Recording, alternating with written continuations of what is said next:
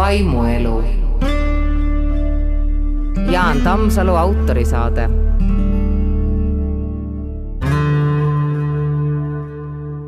tere, head kuulajad, alanud on saade Vaimuelu stuudios Jaan Tammsalu, mina olen Bianca Mikovitš.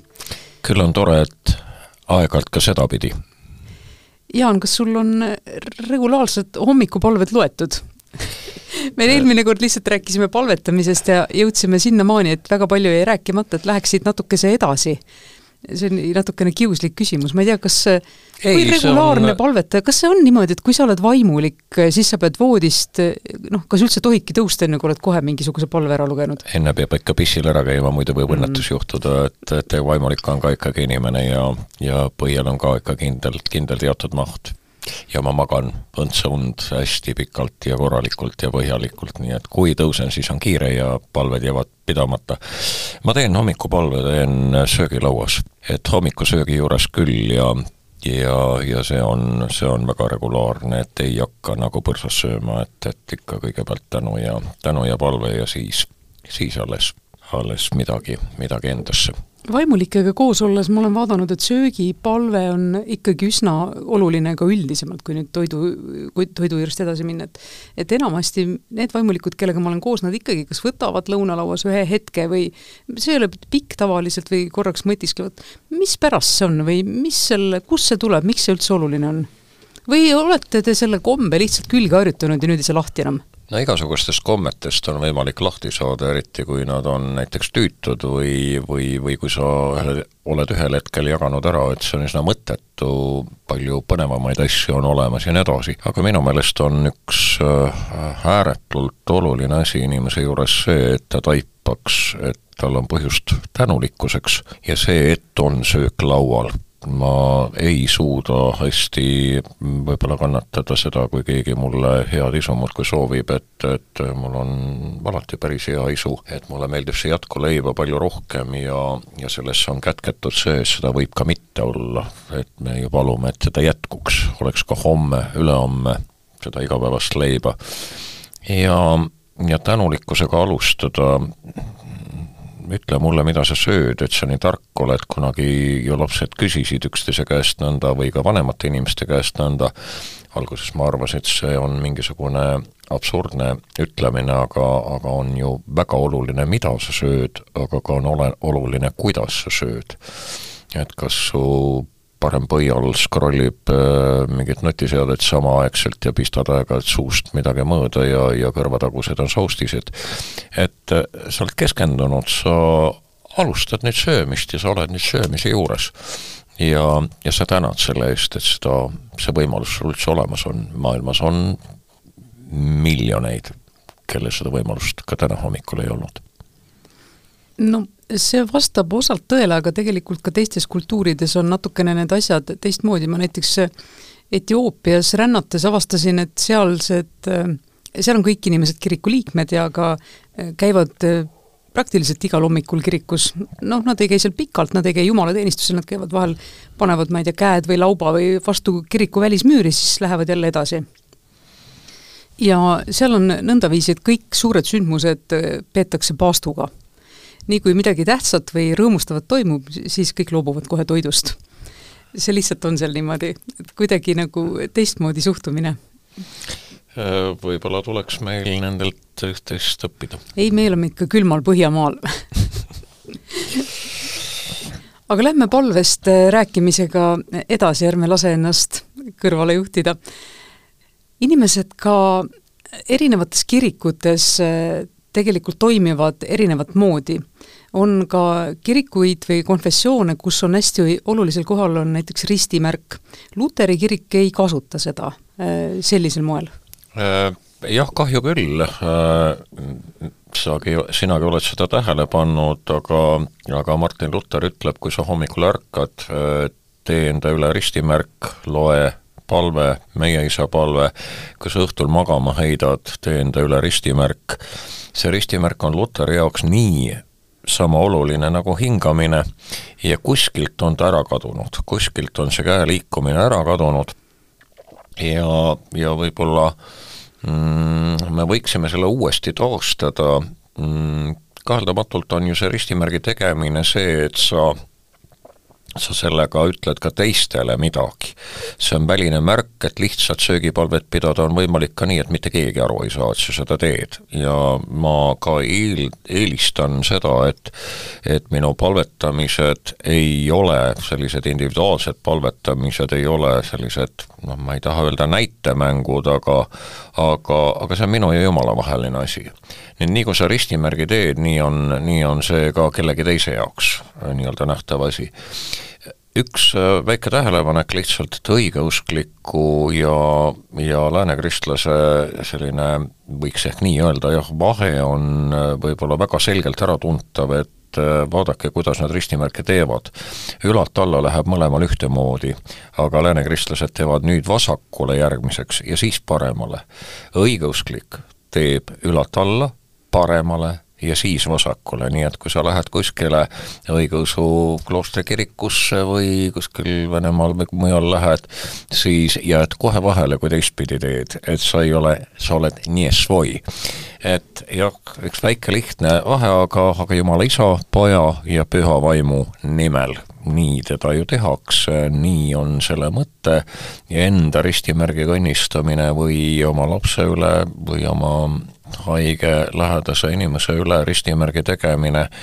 või inimeste teele saatmine, kui palju on neid vanaemasid, kes seisid akna peal ja, ja lehvitasid, aga siis tegid vargsi veel ristimärgi ka nende üle, kes läksid.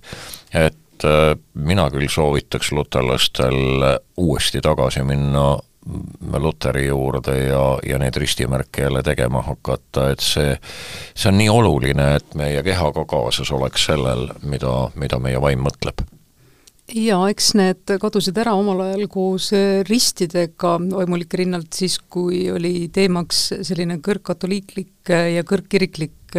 lähenemine ja Eesti Vaba Rahvakirik tahtis eristuda ja olla võimalikult lihtne, siis kõik visati küljest ära aga noh, nagu see ikka juhtub, et igas majas suurpuhastusega minnakse vahel väga hoogu ja siis tassitakse vahel veel mõned asjad tagasi tuppa, mis on oh jaa, noh, võimalik ameti, ametiristid on täiesti olemas ja nad on ju täiesti erakordsed, et, et ma just äh, vaatasin siin ühe laastaja palvel vakaliku palvel üle. Ühte näitemängu, mis on, on ühe soome-rootslase poolt kirjutatud ja, ja seal suhtleb üks vaimulik, naisvaimulik, kes hakkab piiskopiks saama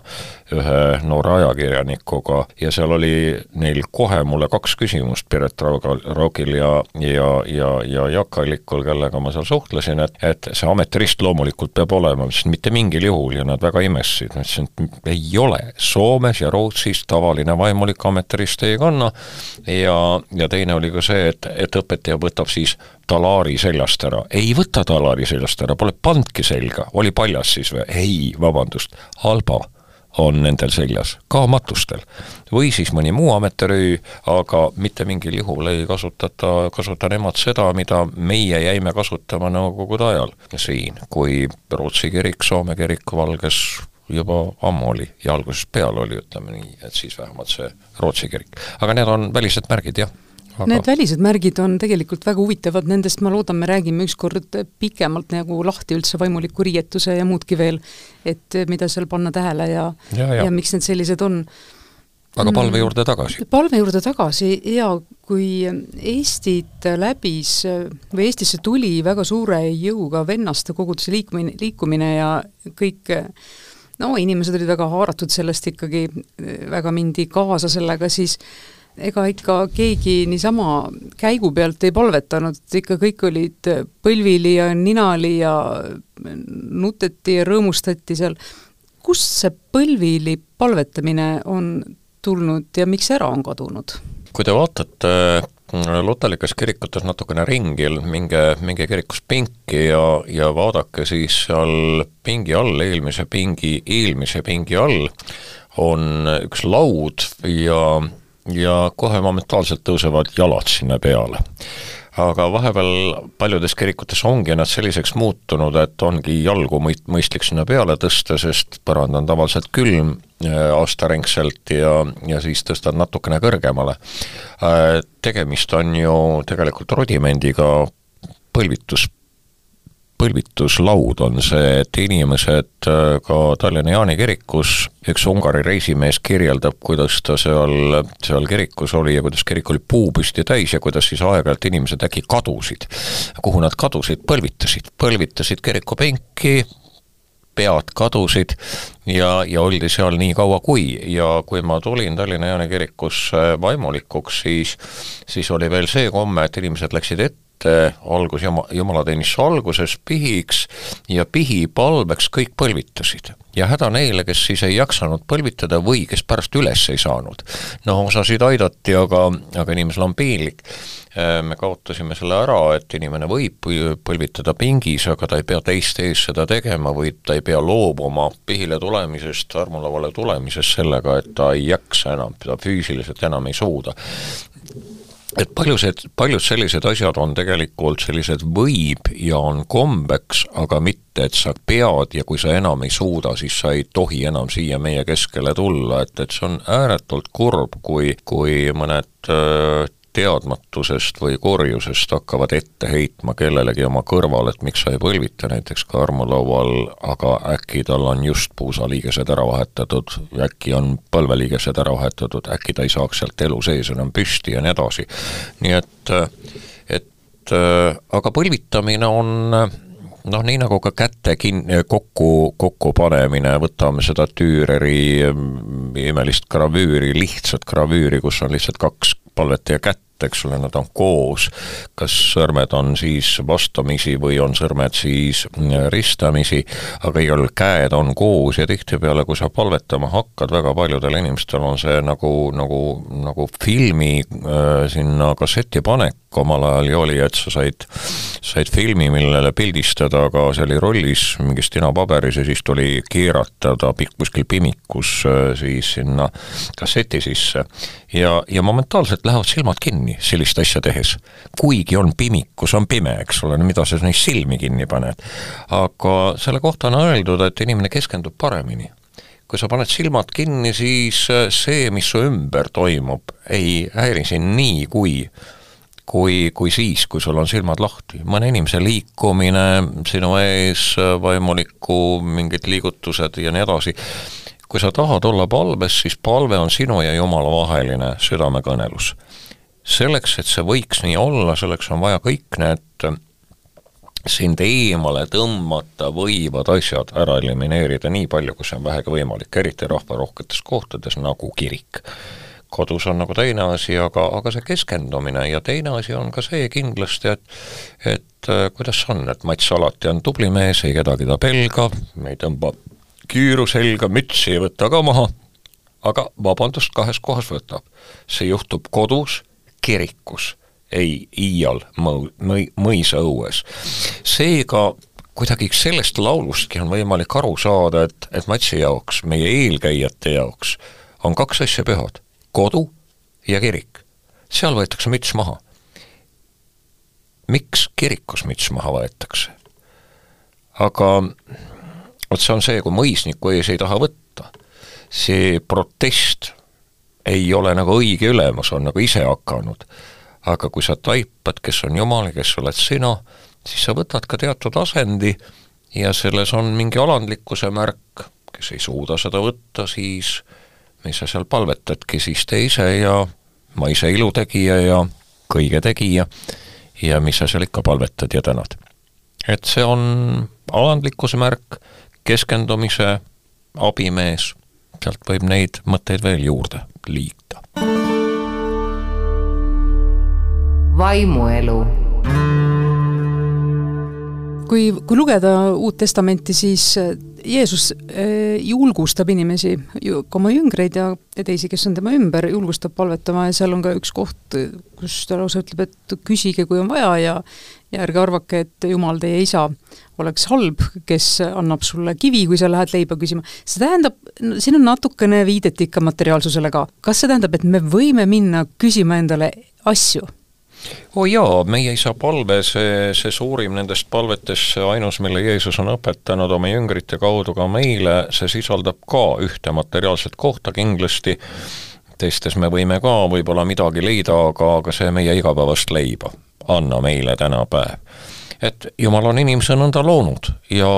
ja ta ütleb, et me võime oma, oma hädapäraste igapäevaste vajaduste pärast palvet teha, sõna meie seal ees ütleb, et me peame arvestama ka teistega, aga ta ei ütle, et me ei võiks paluda materiaalsete asjade pärast,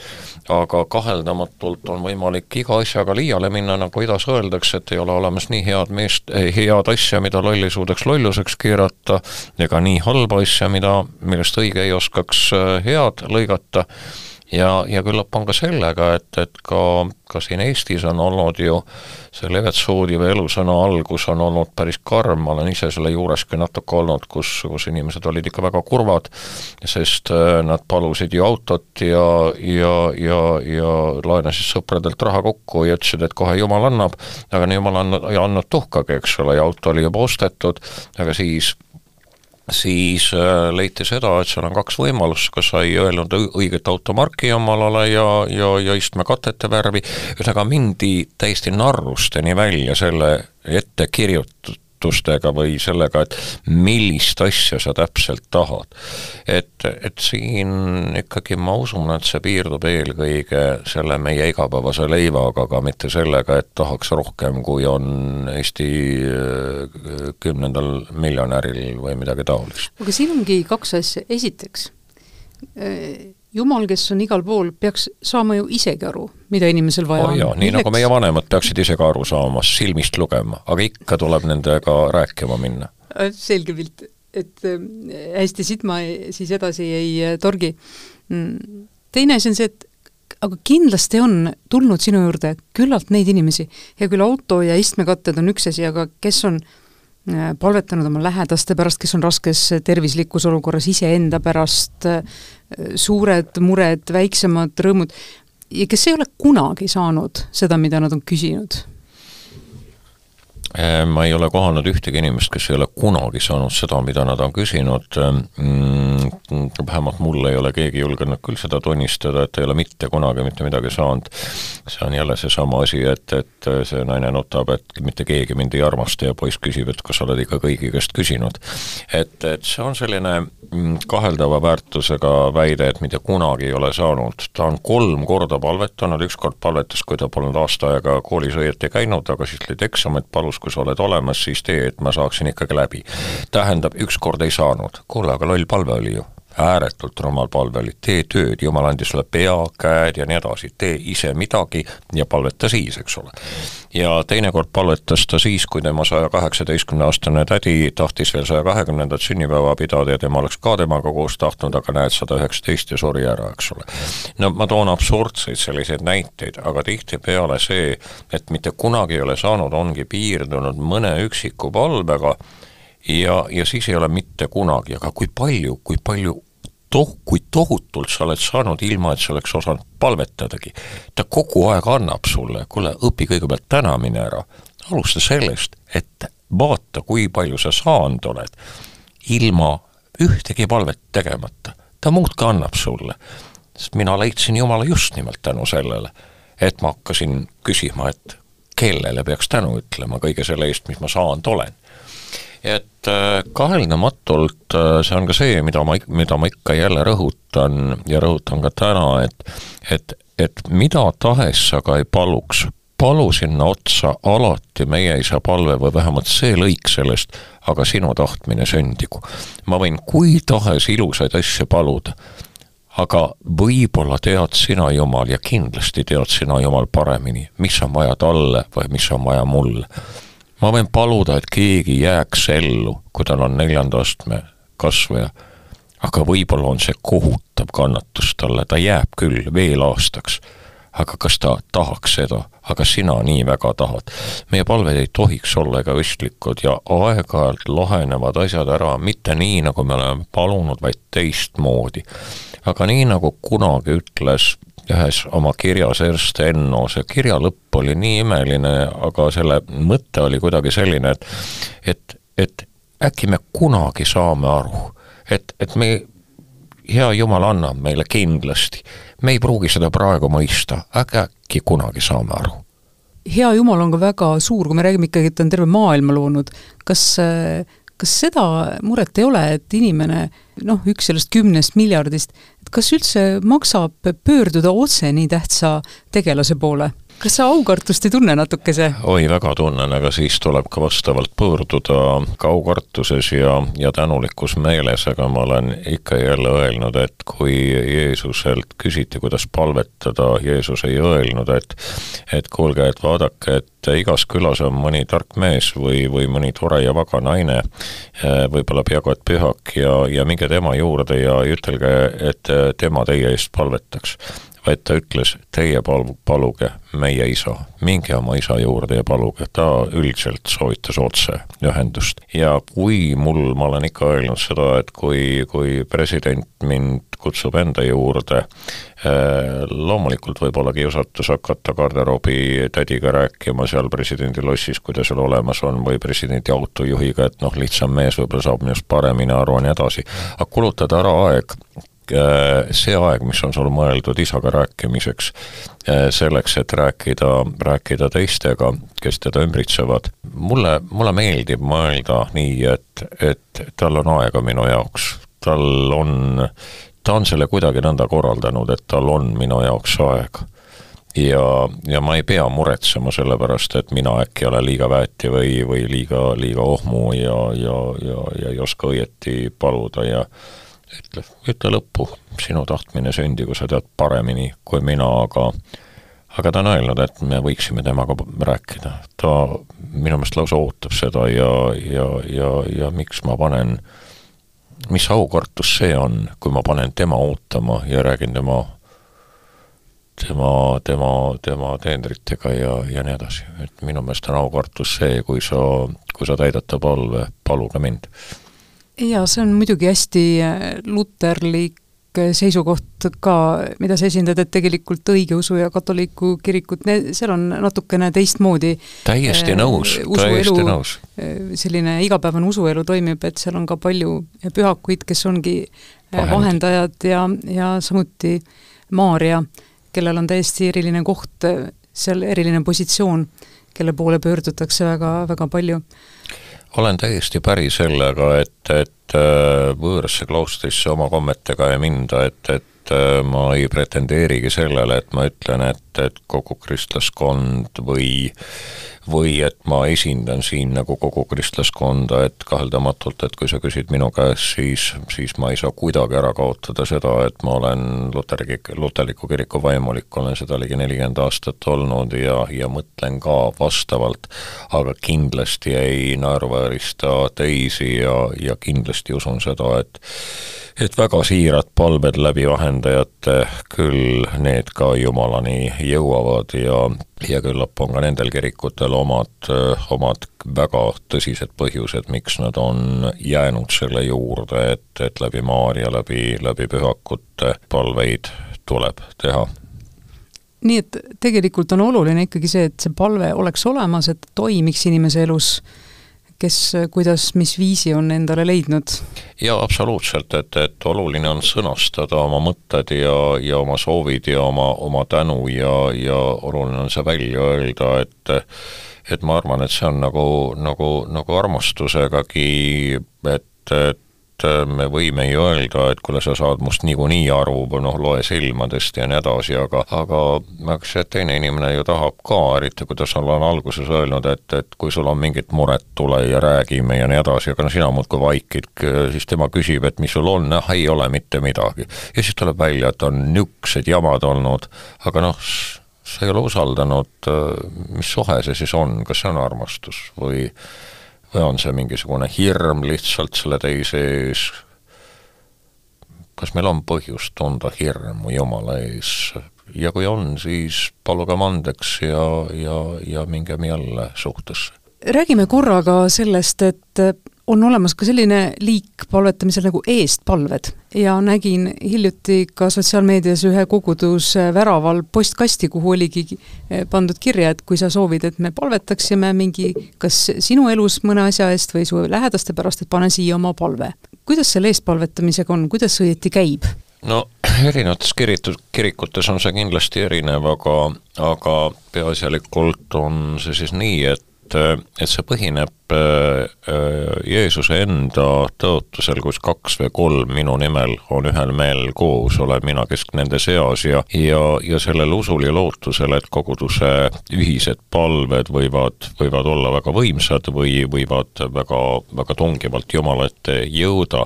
ka Tallinna Jaani kirikus, kus olen aastaid vaimulik olnud, on, on pea igale jumalateenistusele saadetud või, või toodud palveid ja, ja seda tehakse siis nii, et kas saadetakse sellele vaimulikule või saadetakse koguduse aadressile, meiliaadressile see palve või tänupalve ja sõnastatakse see ära ja siis vaimulik sõnastab selle omakorda võib-olla ära, kui ta on ääretult pikk ja võib-olla detailide rohke ja, ja võib-olla ka nii, et läheb pikemaks kui jutlus, kui kõike seda ette lugeda. et et seda tehakse ka nii, et tullakse kirikusse enne jumalateenistuse algust õpetaja juurde või nädala sees käiakse õpetaja juures mingi tõsise murega, mingi probleemiga või helistatakse talle ja õpetaja ise võib öelda, et me paneme ta selle koguduse eestpalvesse. tavaliselt sellistel puhkudel ei nimetata inimeste nimesid, et see ei ole oluline, jumal teab ise, kellest on juttu, vaid õpetaja paneb selle siis, siis eestpalvesse nii-öelda nimetult, võib-olla et mees, kellel tuleb operatsioon või, või naine, kes ja nii edasi, nii edasi. ja, ja seda võib ka mittekoguduse liige teha, et et pöörduda koguduse poole mingi rõõmu või mingi murega ja paluda see eestpalvesse viia, et neid versioone, variante, kuidas nii-öelda koguduseni, kuidas pühapäevase jumalateenistusi jõuda, on palju ja, ja mitmetes kogudustes on ka eestpalvegrupid, kes võtavad inimeste palveid nii-öelda ka nädala sees palvesse, ka see on, et lähed vaimuliku juurde ja ta ei lasegi sind enne ära, kui ütleb, et, et kuule, et et teeme nüüd palve selle, selle asja pärast, et, et et, et anname need asjad Jumala kätesse, et, et palume üheskoos ja siis võib olla väga hirmutav see hetk, et, et nüüd peaksid sina ka midagi tegema, ei ole lihtsalt kaasas ja, ja ütle koos õpetajaga lõpus aamen. Aga sa tead, et sinu pärast on palvetatud ja keegi teine on ka seda teinud, et jah, need asjad töötavad päevast päeva, pühapäevast pühapäeva ja esmaspäevast reedeni, et et siin ei ole nii-öelda vabu päevi, et Jumalal ei ole vabu päevi ja, ja, ja kirikus ka selles mõttes ei ole, aga hoiatus on see, et, et mitte saata laupäeva õhtul koguduse aadressile sekretäri prüüa, pruugi seda mm, pühapäeva hommikul avada, vaid siis tuleb ikkagi vaimulikule, vaimulikuga ühendust võtta, et olla kindel, et see jõuab, jõuab kohale, jõuab pärale. oleme saanud päris palju targemaks nüüd, aitäh sulle, Jaan! Sa oled mitmel korral viidanud Meie isa palvele. äkki teeks niimoodi, et tuletame selle kõik koos meelde ja anname kuulajatele võimaluse seda sinuga oma kodudes koos lugeda? meie isa, kes sa oled taevas, pühitsetud olgu sinu nimi. sinu riik tulgu, sinu tahtmine sündigu, nagu taevas, nõnda ka maa peal. meie igapäevast leiba anna meile tänapäev ja anna meile andeks meie võlad, nagu meiegi andeks anname oma võlglastele, ja ära saada meid kiusatusse, vaid päästa meid ära kurjast, sest sinu päralt on riik ja vägi ja au igavesti. aamen. vaimuelu